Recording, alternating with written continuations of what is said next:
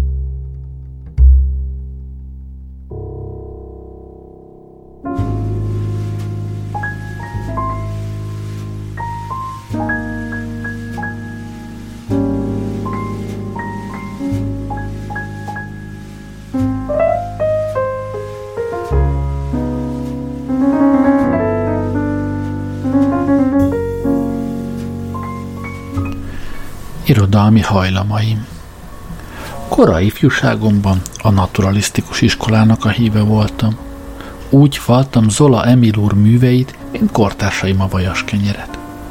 Egy szép napon az apám rájött, hogy rokon szenvezek a franciákkal, és abban a pillanatban a nátpálca valóságos kánkát járt a hátamon. Ez a kánkán, ahelyett, hogy növelte volna a franciák iránt táplált előszeretetemet, késé lehűtött. Beláttam, hogy a naturalistáknak igazuk van, az élet rút és szomorú. És miután beláttam, hogy igazuk van, örökre szakítottam velük. Természetesen szentimentális lettem. Elkezdtem Heine Henrik elhalt költőtársamért rajongani, végigmásztam a dalokkönyvén, és a kert végében egy elhagyott galagonyabokor tövében fűből matrac sírt csináltam magamnak. Itt feküdtem egész nap, nem csináltam semmit, csak a változatosság okáért nyögtem néha egyet-egyet. Ezen közben pedig megbuktam a hatodik gimnáziumban.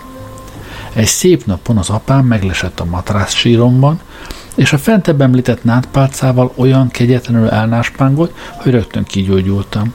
Szakítottam a szentimentális irányjal is, mert beláttam, hogy sok kellemetlenségnek teszi ki az embert. A beállott reakció nem volt teljes. Idealista lettem, és szerelmes a matézis professzoromnak a lányába. Holdvilágos éjszakákon veszedelmes konkurenciát csináltam a város kóborkutyáinak a holdra való bámulásban. Eladtam a tankönyveimet, és azoknak az árán ibolya bukétákat küldözgettem a professzor kisasszonynak. A bukétákban gyönyörű szerelmes verseket csavargattam, melyeket hazánk tehetségesebb fiatal költőitől minden lelkiismereti furdalás nélkül eltulajdonítottam. Kérem, amikor az ember idealista, idealisztikus rohamaim addig gyökörtek, amíg egyszer alkalmam volt a professzor kisasszonynak nyitva felejtett ablakán bemászni. Oda ben a matézis professzorommal vérengző tusát vívtam, mely azzal végződött, hogy az ablakot mögöttem becsapták, engemet pedig az iskolából kicsaptak. Szakítottam az idealistákkal is, mert beláttam, hogy az ablakon való kidobatás mindig életveszéllyel jár. Megvigasztalódtam, és humorisztikus oldaláról fogtam fel a dolgot, különösen az angol humorban kerestem enyhülést, Előszeretettel tanulmányoztam a legkitűnőbb angol humoristákat, különösen Boszt és Dickens-t, továbbá Twain Markot és Bernard Gazsit. Mivel ebből nem élhettem meg, fölcsaptam reporternek a helyi ellenzéki laphoz, és a hírneves Grant Ulysses motorában kihumorizáltam a város kitűnőségeit. Másnap három helyen beverték a szobám ablakát, a fejemet pedig négy helyen. Két gentlemannel kardra kellett megverekednem, az egyiknek levágtam ugyan az orrát, de a másik viszont az én fülemet hasította le. Ezen kívül pedig három pisztoly és két amerikai párbajon kellett keresztül mennem. Valamennyi halálos volt. Ráadásul becsuktak az államfogházba, ahol elment a kedvem az angol humoristáktól. Ellenben megtanultam spanyolul. Spanyolországról alkotott fogalmaim eddig meglehetősen hiányosak voltak. Csak annyit tudtam, hogy ott a donok és a donnák Szalamanka bástyáin sétálna, puhérót esznek, és kölcsönösen románcokat énekelnek egymásnak, vagy a bika viadalokban gyönyörködve bodor füstfelhőket eregetnek Alguzírból. Azt is tudtam, hogy ott a szivarokat csak le kell rázni a fákról, mert azok ott vadon teremnek. A spanyol szivarokból jó adag romanticizmus szívtam magamba, Don José García del Pampulena név alatt grasszáltam, és ismerőseimmel a szivaskatuják nyelvén beszélgettem. Trabucco, trabucco, mondám le ereszkedő mosolya, ha valaki köszön nekem. Emellett egy szeviai lánykán járt az eszem, és rettenetesen megharagudtam, amikor megtudtam, hogy hűtelen lett hozzám. Sútba vágtam Cervantes és Don Pedro Alcaron összes műveit, elátkoztam Salamanca bástyáit, a Poherót, az Alguazilt, a donokat és a donnákat, a bikaviadalokat, a szeviai lánykát és a szivarokat általában, de különösen a trabukkó szivarokat. Embergyűlölő lettem, és filozófiával meg világfájdalommal kezdtem foglalkozni. Elolvastam Giacomo Leopardi összes műveit, úgy szintén Kant, Schopenhauer, Nirvana és Pulszki Guszti filozófiai értekezéseit. Nem értettem ugyan ezeknek az uraknak a műveiből semmit, de azt hiszem, Ezeket az urakat eddig még senkinek sem sikerült teljesen megértenie.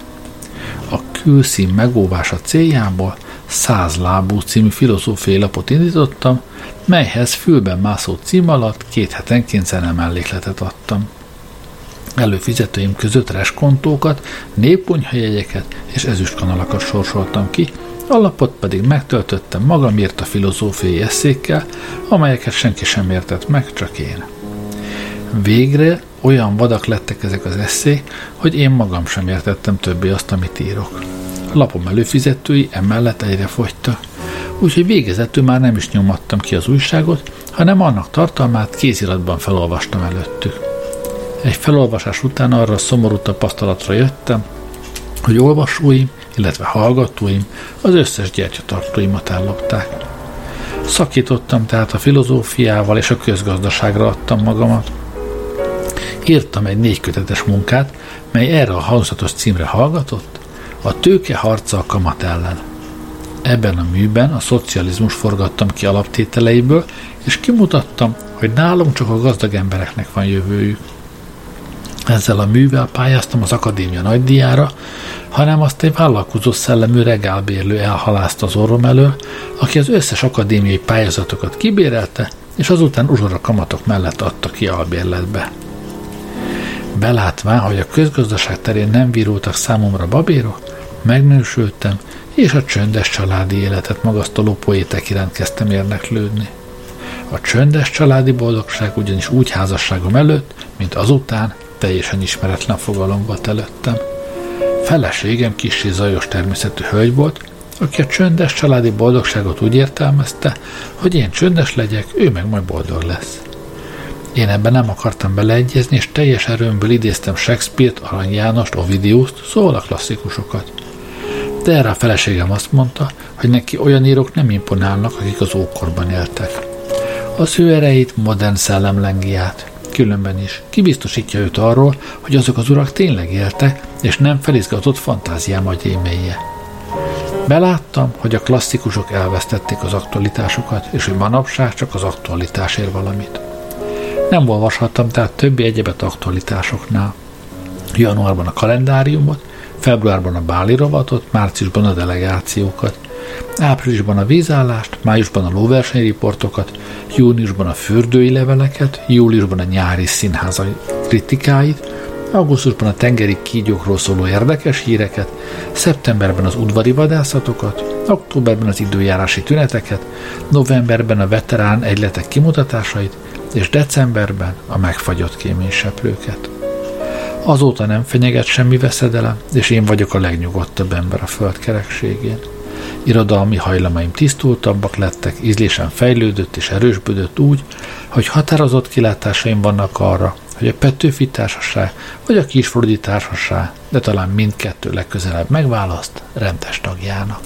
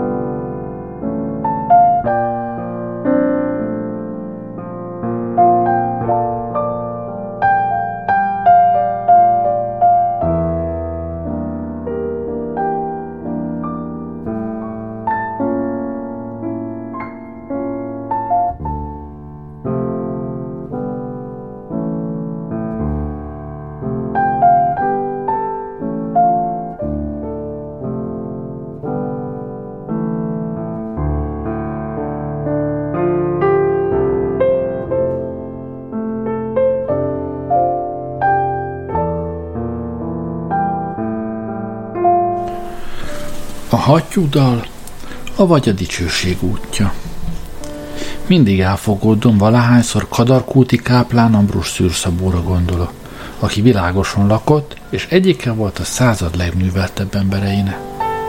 Kadarkúti káplán Ambrus négy legényel dolgozott mindaddig, míg azt nem érezte, hogy halála közeledik.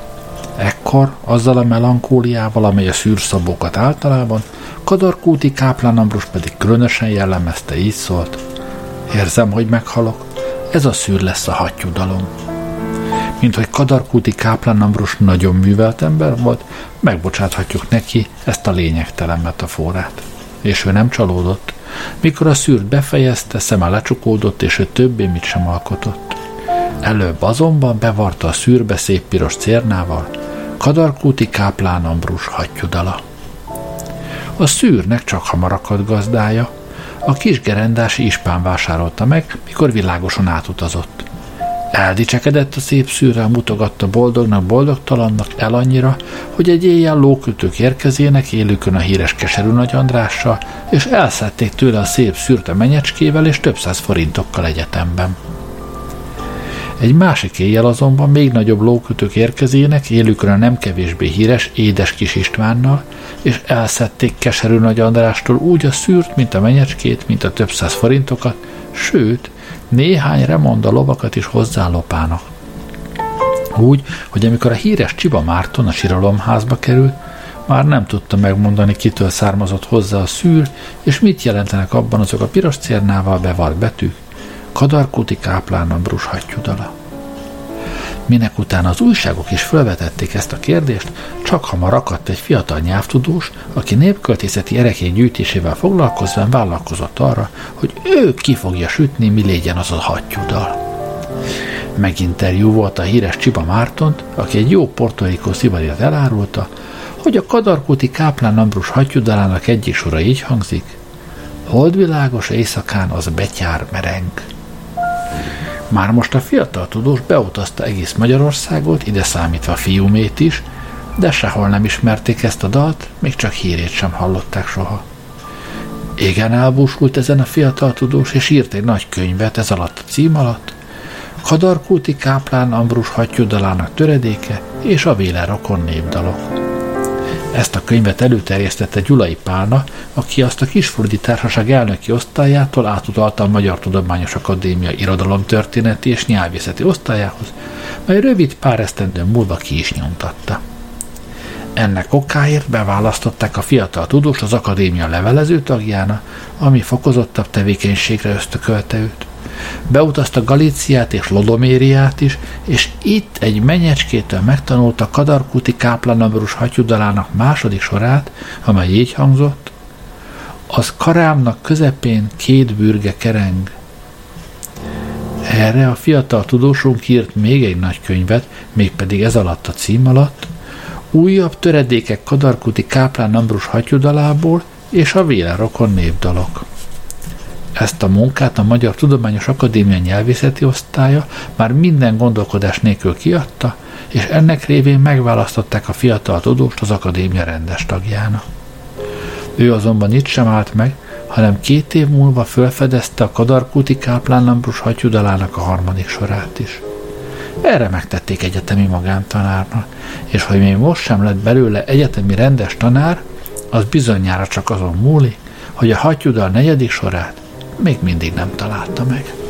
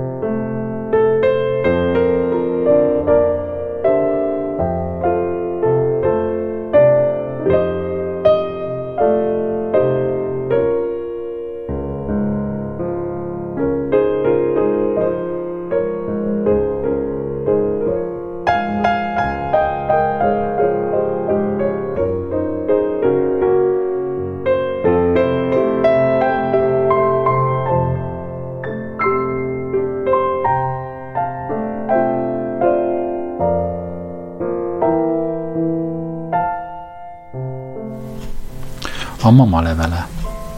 Kedves fiam, Mélységes aggódással írom ezeket a sorokat, mert olyasmit hallottam rólad, édes fiam, ami szerető anyai szívemet nagyon elkeserítette és rettenetesen elszomorított. Isten félelemben és az erkös szeretetében neveltelek, édes fiam, egyforma gondossággal vigyáztam, mind tested, mind lelked tisztaságára. Óvó szárnyaim alatt nőttél fel, szeretetem éltetett, tanításaimról hittem, hogy kalauzolni fognak az élet útján, ha nem leszek már melletted. Hiszen tudtam, hogy nem maradhatsz örökké az anyai ház szűk szobájában. Ha lánynak születtél volna, Fölkerültél Budapestre, a nagyvárosba, minden bűnök és nyomorúságok lármás fészkébe. Öreg asszony vagyok, édes fiam, ha akartam volna, sem mehettem volna veled. De minek is mentem volna. Bátran és büszkén bocsátottalak útna, mert azt hittem, két hónap nem rombolhatja le azt, amit 24 esztendőn keresztül szerető gondoskodással építettem. Nem is volt eddig panasztra okom, hallottam, hogy szorgalmas vagy komolyan foglalkozó pályárdal, lakásadónéd is írta, hogy jól viseled magadat. És íme. Nem tudom, édes fiam, rossz könyveket olvastál-e, vagy rossz társaságba keveredtél-e, de vérző szívvel gondolok arra, hogy nem vagy többé az én derék jó fiam, akit szívem minden szeretetével szerettem, és szeretek még ma is, a nagy és lesújtó csalódás után is. Megtudtam, édes fiam, mindent megtudtam, hogy egy asszonynak, férjes asszonynak udvaroz, sőt talán, Isten bocsássa meg, hogy ezt a csúnya szót leírom, viszonyod is van vele. Viszonya az én fiamnak. Mindig mondtam, keresd a nők társaságát, de csak olyan nőkét, akik erkölcsösek, vallásosak és nemes szívűek. Ezeknek a társaságában lelket csiszolódik, megtanulsz finoman és előkelőn gondolkodni, és ideálokért hevülni. Idehaza is mindig örültem, ha eljártál az úri családokhoz, zongoráztál a lányoknak, illedelmesen csevegtél velük, és jó modoroddal, szerénységeddel meghódítottál mindenkit. Mamák rajongtak érted, lányok ideálja voltál, fiatal emberek irigyeltek. Mert szíved érintetlen volt, lelked mocsoktalan – megfogadta tanításomat, megőrizte tisztaságodat, sokszor figyelmeztette le. Nagy és nemes szerelem fogja egyszer szívedet hevíteni, ha rátalálsz arra a leányra, aki méltó hozzád, és akit a szülők kölcsönös beleegyezésével és kölcsönös örömére oltárhoz vezethetsz. Mi boldog lész akkor, hogy szíved kincsét nem pazaroltad futó gyönyörűségekre, hanem első szerelmedet, azt a csodálatos, annyiszor megénekelt első szerelmet feleségednek adhatod majd mindennél értékesebb nász ajándékul. Hány férfi dicsekedhet el ezzel? Azt reméltem, hogy te ezek közé a kevesek közé fog sorakozni. Nem így történt. Hálójába kerültél valami bűbájos asszonynak, aki megrontott. Egy férjes asszony. Hidd el, édesfiam, ha azt hallottam volna, hogy egy könnyelmű, de jó lelkű lányra akadtál, akivel megszerettitek egymást, és ifjúságotok elvégezte a többit, nem busultam volna olyan nagyon. De az az asszony, aki megcsalja az urát, rossz lelkű lehet csak, és aki férjes asszonyt szeret, nem telen. Lopás ez, és én nem neveltem tolvajnak a fiamat. Édes fiam, tudom, nem te vagy a bűnös, tudom, hogy elcsábította, de nem lett volna szabad a csábító szóra hallgatnod. Az az asszony, aki szerelemi adott neked, szerencsétlenné tett már egy embert, az urát. Azt hiszed beéri ezzel? Nem. Szerencsétlenné tesz téged is. Előbb rosszá, aztán boldogtalanná. Az egyik sikerült már neki, rossz vagy már. Hiába tiltakozol, az vagy. Megcsalsz, megrabolsz egy becsületes embert, aki talán barátod. És megcsalsz, megrabolsz egy becsületes leányt, azt, aki valamikor feleséged lesz. És megcsaltál, megtagadtál engem anyádat, akinek jobban soha senki nem szeretett megváltoztál.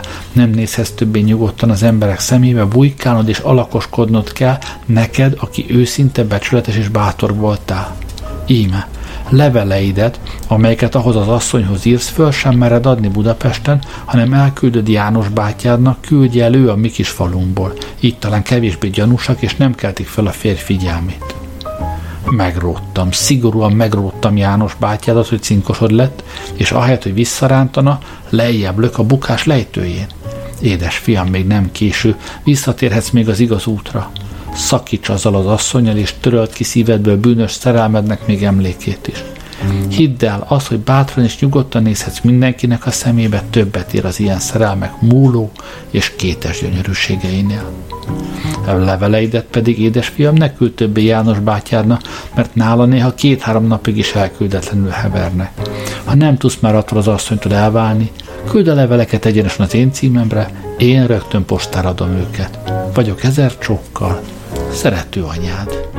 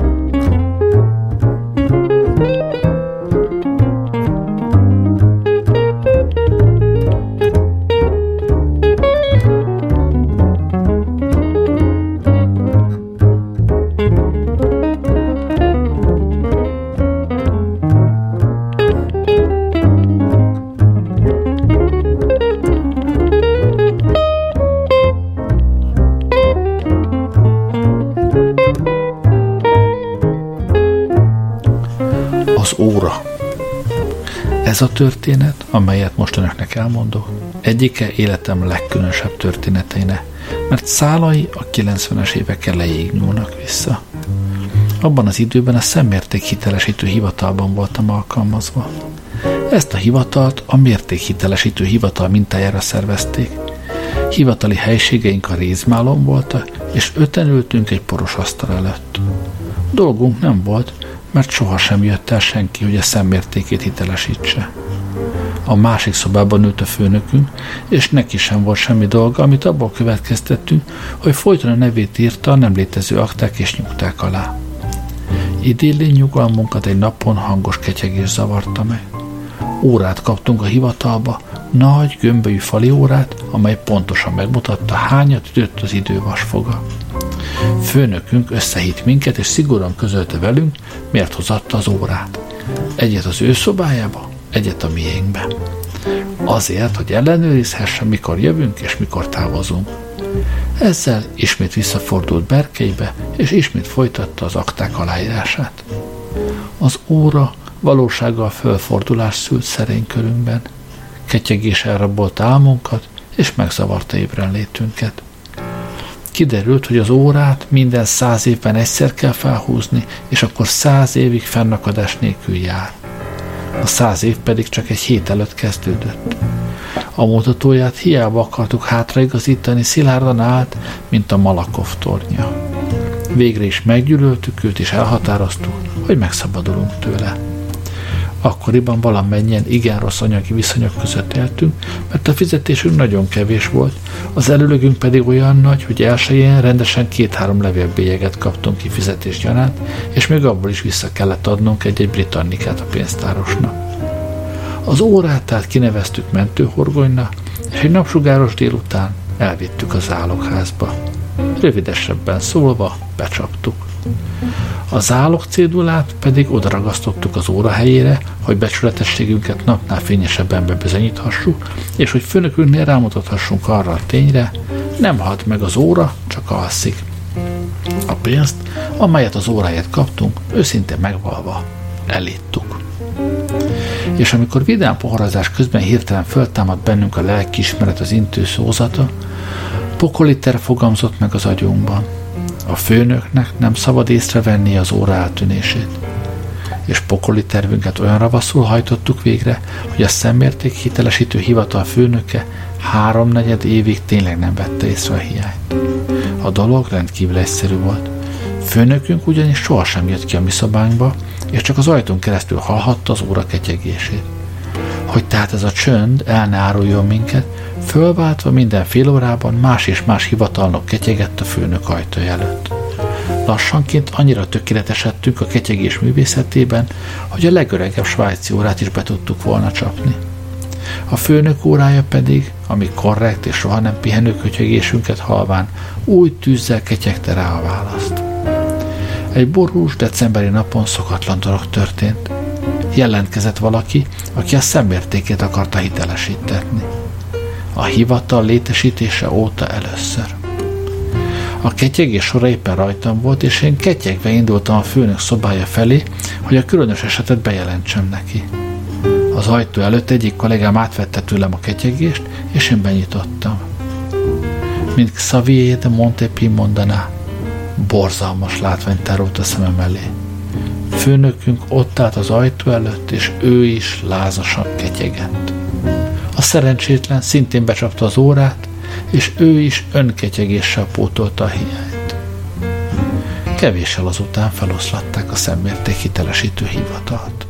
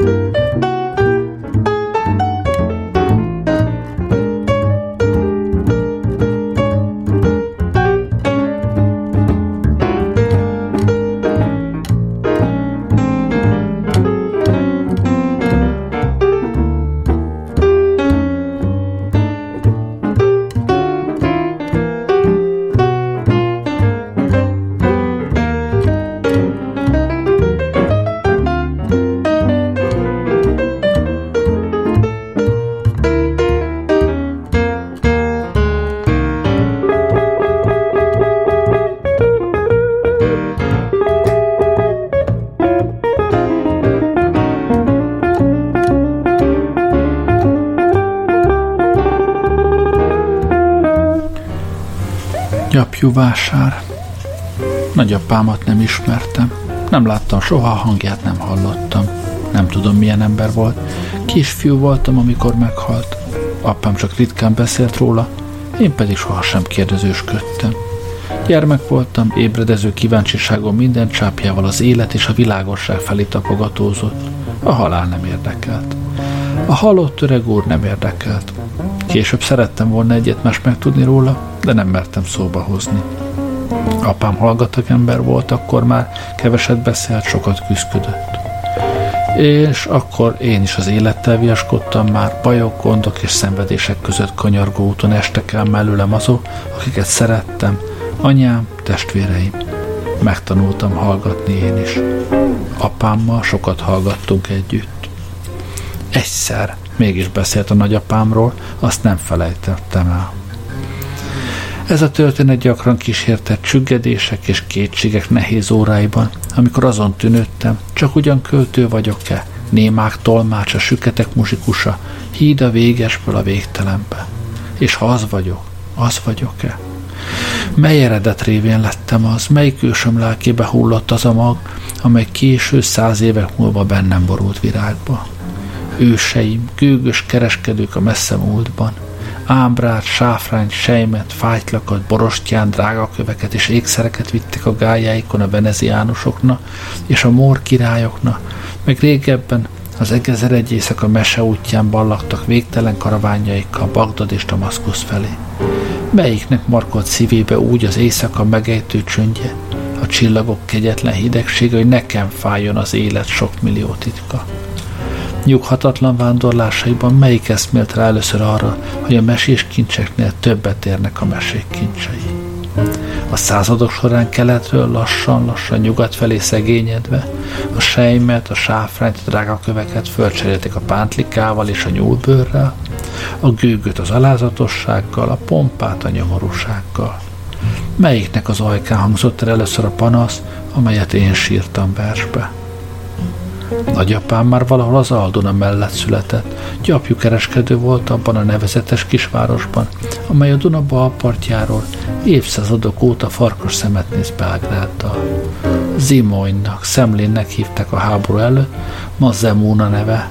Szemlén régi név, de Linyi herceg is Szemlénből datálja elmés és mulatságos leveleit, amelyeket Szavolyai Eugén herceg táborából írt és szavolyai Eugén engedte meg ősömnek, hogy Szemlinben letelepedjen. A szokatlan Eugén név is, amelyet családom fiúgyermekei sűrűn viselte, az ő emlékét tiszteli. Nagyapám így kereskedő volt, előkelő, gazdag ember, nagy család feje. Fiai, lányai, unokái, dédunokái szétszoródta, ki Magyarországba, ki Szerbiába, ki Ausztriába, ki Angliába.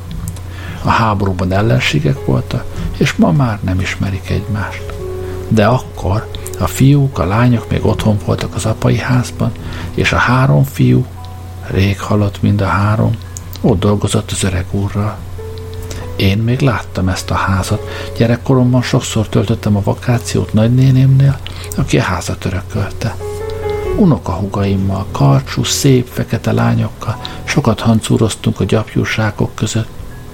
Mami, nagymama már. Nagyapám azt tervezte, hogy fiai folytatni fogják azt, amit megkezdett, gyarapítva a ház becsületét és vagyonát. Korán önállóságra akart őket nevelni, és még nagykorúságuk előtt átadta nekik az üzletet, próbálkozzanak, tanuljanak, tapasztaljanak, ha kell, saját kárukon is. A három fiú nagy iparkodással látott munkához, de kedvük nem volt-e hozzá, nem értettek hozzá, vagy a viszonyok változtak meg. Az üzlet nem volt már olyan jó, mint annak előtte. A szerparaszt megbicsaklotta magát, mind drágában adta a gyapjú. A haszon kisebb volt. Az öreg úr mormogott, és a fejét csóválta. Drágán veszitek a gyapjút, mondta a fiainak. Tönkre megyünk. A fiúk bozonykodtak, hogy a paraszt nem adja olcsóbban. Nekem olcsón adta, mondta az öreg úr. Nektek azért adja drágán, mert nem tudtok alkudni. Fiatalok vagytok, ügyetlenek. A paraszt túljár az eszeteken. Egy ideig tűrte még a dolgot, aztán neki lendült. Nem megy ez így tovább. Pénteken majd én megyek ki a vásárba. Egész héten készülődött a vásárra, de a fiúk is. Pénteken hajnalban az öreg úr három fiával kiment. Bezzeg más vásár volt ez. Évek óta nem volt ilyen vásárja. A paraszt megsüvegelte, kezet csókolt neki, és ráhagyta a gyapjút, úgy, ahogy kérte. De hogy alkudott, odaadta fele árán még olcsóban is. Az öreg úr sugázott a büszkeségtől, és gőgösen betette oda a fiúknak. Látjátok, szamara, így kell gyapjút venni. A három fiú pironkodva lehajtotta a fejét. De amikor az öreg úr hátat fordított nekik, egymásra néztek és boldogan mosolyogtak. Csütörtökön éjjel a három fiú kilópózott a házból, fölverte a parasztokat, és rendes árán előre megvette tőlük a gyapjút.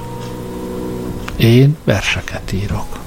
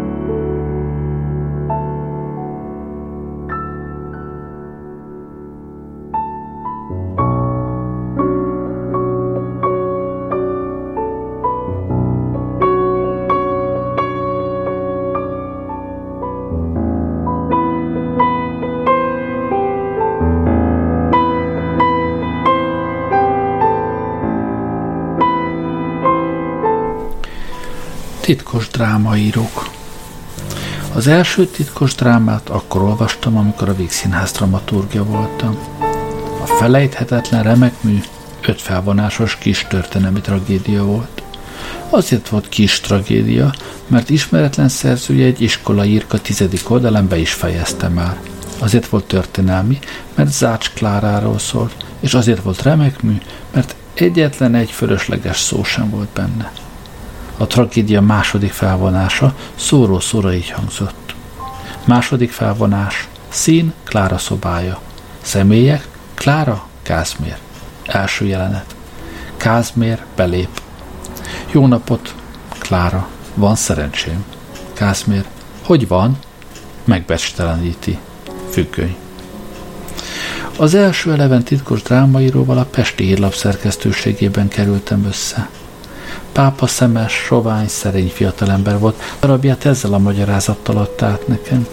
Rendkívüli gonddal írtam, öt évig dolgoztam rajta. Minden felvonáson kerek egy esztendeig. Megfontoltan, de óvatosan, nagy küzdelmek és kimondhatatlan nehézségek közt. Borzasztó lassan írtam. Éppen azért kérem, kegyeskedjen figyelemmel átolvasni. Kegyeskedtem. Használhatatlan volt. A fiatalember másnap eljött a válaszért. Akkor is írtóztam már a fölösleges kegyetlenkedéstől. Istenem, öt év munkáját egy szóval csapja magyon? Megkérdeztem. Mi a foglalkozása? Gyorsíró vagyok, mondta a fiatalember. Ezt a darabot pedig lassan írta. Maradjon a gyorsírásnál. Kis számot mondok, amikor elárulom, hogy azóta 2000-nél több titkos drámaíró művét olvastam el. Megtanultam, hogy a titkos drámaírót tisztelni kell, mint minden olyan embert, aki fáradhatatlanul harcol hittéért és meggyőződéséért. Mert a titkos drámaíró nem hagyja abba munkáját, ugyanazzal az optimizmussal kezdi minden nap előről, amelyel Sisyphus, Tantalos és a többi szánalomra méltó elátkozott. De a titkos drámaíró nem a mítosz világából való. A modern gyermeke, tehát nem csak konok, hanem ravasz és elszánt is nem riad vissza semmiféle áldozattól, szívesen adja az életét is azért, hogy színre kerüljön. Még szívesebben a másét. Se szeri, se száma azoknak a körmön font fondorlatoknak, megtévesztéseknek, kerülő utaknak, kelepcéknek, törvetéseknek, farkasvermeknek és egyéb indián cseleknek, amelyek révén a titkos drámaíró nyilvánossá parkodik vedleni. Az egyik összeragasztja kéziratának három-négy oldalát, ezzel próbálja rábizonyítani a színházra, hogy el sem orvosta a darabot. A másik ugyanezzel a szándékkal a legérzelmesebb szerelmi jelenetbe a színház igazgató becsületét, tehetségét és józan elméjét kétségbe vonó kis gyalászkodásokat illesz be. A harmadik betűről betűről lemásolja hercegnek vagy Molnárnak, esetleg egyszerre mindkettőnek valamelyik ismert jelenetét, és azzal fűszerezi darabját, Azért, hogy vérfagyasztón a személybe kacakhasson a gyanútlan színházigazgatónak, amikor az bágyatan azt mondja, egy jó szó sincs a darabban. A negyedik túltesz ezen is, mindjárt egy egész Shakespeare darabot másol le. Áthelyezi Lír királyt a mai amerikai millióbe, az öreg urat megteszi a rágó gumitröszt elnökéne, a bolondot a New York Times riporteréne, szemtelen flappereket csinál a gonosz királylányokból, de a dialógus nem változtatja meg, csak próbál, prózává vasalja ki a verset. Az igazgató a fejét vakarja. Tudja Isten, marhasság, de van benne valami. A gazember úgy látszik lopta valahonnan az ötletet. Az ötödik négy-öt protesáló levelet is mellékel a drámájához, vagy nem létező feleségének a könnyeit. A hatodik közismert jó szívemre támaszkodik, és öngyilkossággal fenyegetőzi. Több ilyen öngyilkoson van, hála Istennek ma is él, és minden évben új darabot ír valamennyi. Az írónő szexepéljének a markolatára üt, vagy duzzadó nagy, piros pecsétes levelet tesz le az asztalra. Tízezer dollár van benne? Önnek hoztam. A pénzes levélben egy színdarabnak a kézirata van. Elő kell adni, és meghozza a tízezer dollárt. A nyolcadik, tizedik és a századik azután igazán kemény próbára teszi az embert. 10-15 év előtt a darab harmadik, negyedik oldalán, ha nem mindjárt az elsőn, kiderült, hogy használhatatlan. Hol vannak ettől a ma titkos drámaírói? Határtalan ravasságokban majdnem eljutottak már oda, ahová sok nyilvános is szeretne eljutni, csak az utolsó pillanatban árulják el, hogy amit írtak szamárság. Addig ügyesen titkolják. Az ember biztosan tudná, hogy a közönség már a második felvonás után elmenekül a színházból, nyugodtan előadhatná a darabot.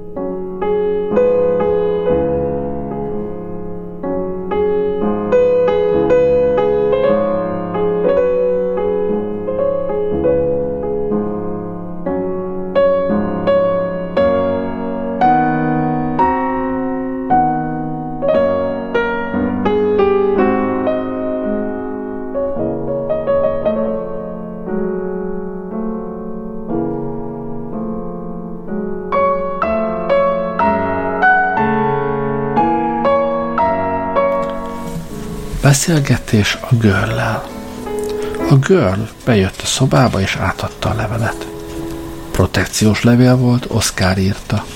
Ha tehetsz valamit a kislány érdekében, ügyes, csinos, előre is köszönöm, hálás híved. Hálás híved.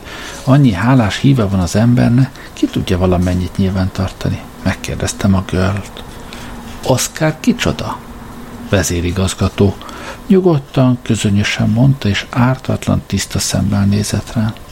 Kék szeme volt a görnek, égszínű. Veszedelmes színez mennyországot keres mögött az ember, de többnyire levegőt találcsa. Nagyon csinos volt a görl, magas, karcsú, bolondos hajú szőke. Finom óra alatt furcsán, idegesen mozgott rúzsos pici szája. Azt hittem cukrot majszol. Mi van a szájában, bombon? Gumitrágok. Miért? Adták. Többen? Nem, Artúr. Artúr kicsoda? Vezérigazgató. Ilyen szép lánynak nem szabad gumit rágni. Nem gondol arra, hogy valaki megtalálja csókolni? Nem gondolok rá, annak mindig ki van téve az ember.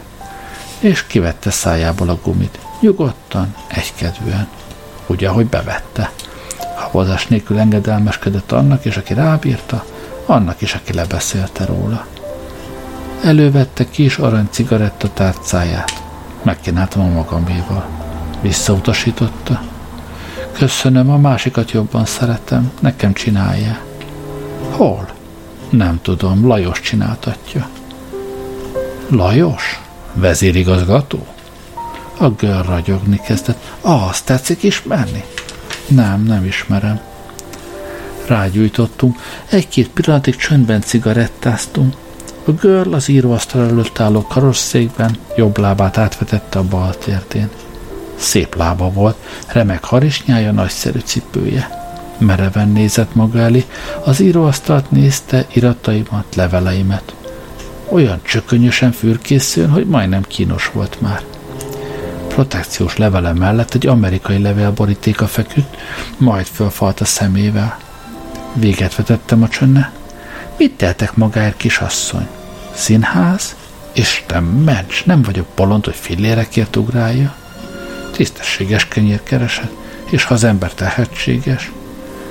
Esti két-három pengő?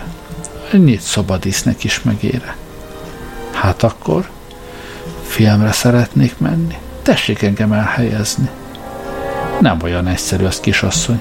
A gazdasági helyzet, alig gyártanak ma filmet, kevés a szerep és sok a jelentkező. Kérem, ha azt tetszik gondolni, hogy ez a protekció kevés, hozhatok jobbat is. Jobbat? Kitől? Károlytól. Károly kicsoda? Vezérigazgató. Ennyi bájnak és őszintességnek nem tudtam ellenállni. Elővettem a levélpapírost és írni kezdtem. Ha tehetsz valamit a kislány érdekében, ügyes, csinos, előre is köszönöm, hálás híved. A girl összehúzott szemöldökkel figyelte munkámat. Kinek tetszik írni? Egy, egy vezérigazgatónak. Nagyot lélegzett, fölállt. Akkor jó, köszönöm. De nem ment el. Megállt az íróasztal előtt, és megbűvölten bámult az amerikai levélre. Miért érdeklődik úgy az iránt a levél iránt? Nem a levél. Hát? Könyörgőn nézett rám. A bélyeg. Ha nincs rá szüksége, tessék nekem adni, kislánykorom óta gyűjtök bélyegeket. És én, felületes megfigyelő, azt hittem, hogy vezérigazgatókat.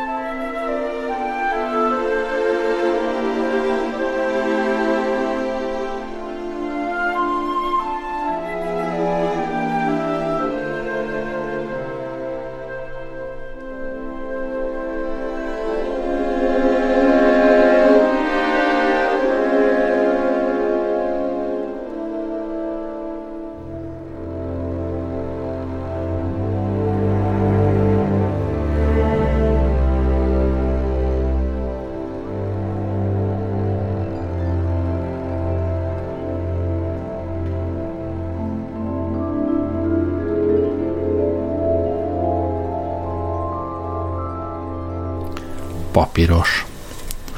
Gyermekkorom óta rajongok a tiszta papírosért, az új tollért, az épp ceruzáért, a szeplőtlen tollszárért, az írás szerszámaiért. Szenvedélyesen gyűjtöm 50 év óta. Meg sem merem számlálni, hány tucat érintetlen ceruzát, hány szűz, írkát, füzetet, noteszt és blokkot halmoztam garmadába íróasztalom és szekrényeim sötét fiókjaiban. A papírosról nem is szólok titkos raktáraimban száz meg száz mindenféle eredetű, nagyságú, minőségű és színű ív simul egymásra szent érintetlenségben. Van köztük francia, német, spanyol és hollandi. Vettem papíros Londonban és Zürichben, Konstantinápolyban, Szófiában, Milánóban és Bécsben fehéret, sárgát, halványzöldet, finomat, durvát, nagy papírkereskedések csillogó kirakatával válogatta, az utcán csaptam le rá, vagy homályos kis boltok sötét fiókjaiból ráncigáltam elő. Ezt a sok papírost úgy cipeltem haza a világ minden részéről, mint oroszlánvadász az exotikus zsákmányt, tudós kutató a battörzsek mérgezett nyilait és fejdészeit. Ezt a rengeteg papírost azért vásároltam, hogy teleírjam. Elképzeltem, hogy előveszem a vadonatúj tollszárat, beillesztem az új tollat, belemártom a kék tintába, és makulátlan papírosra verset írok. Regény, színdarabot, megírom az összes műveimet, reggeltől estig írok, éjféltől hajnali, januártól decemberig, kora ifjúságomtól mai vénségemig fáradhatatlanul, ami eszembe jut. Talán eszembe is jutott sok minden, de valami szeméremérzés minduntalan lefogta kezemet. Miért én? Miért nem más, bátrabb, különb? Rámeredtem a papírosra, olyan hófehéren, olyan szűzen feküdt előttem, védtelenül kiszolgáltatottan. Nem vitt rá a lélek arra, hogy megbesztelenítsem, pedig kellette magát, fölkinálkozott. A fehér, a sárga, a zöld, a kockás, a vonalazott, a merített, az angol, a francia, az egész nemzetközi hárem. Gyere, itt vagyok! Megálltam hősiesen. Ötven év alatt alig egy tized részét pusztítottam el. Gyűl, gyűl, fenyegetően gyűl a papíros, és fenyegetően fogynak a percek. Remek művek helyett egy kis papírkereskedést hagyok az utókorra.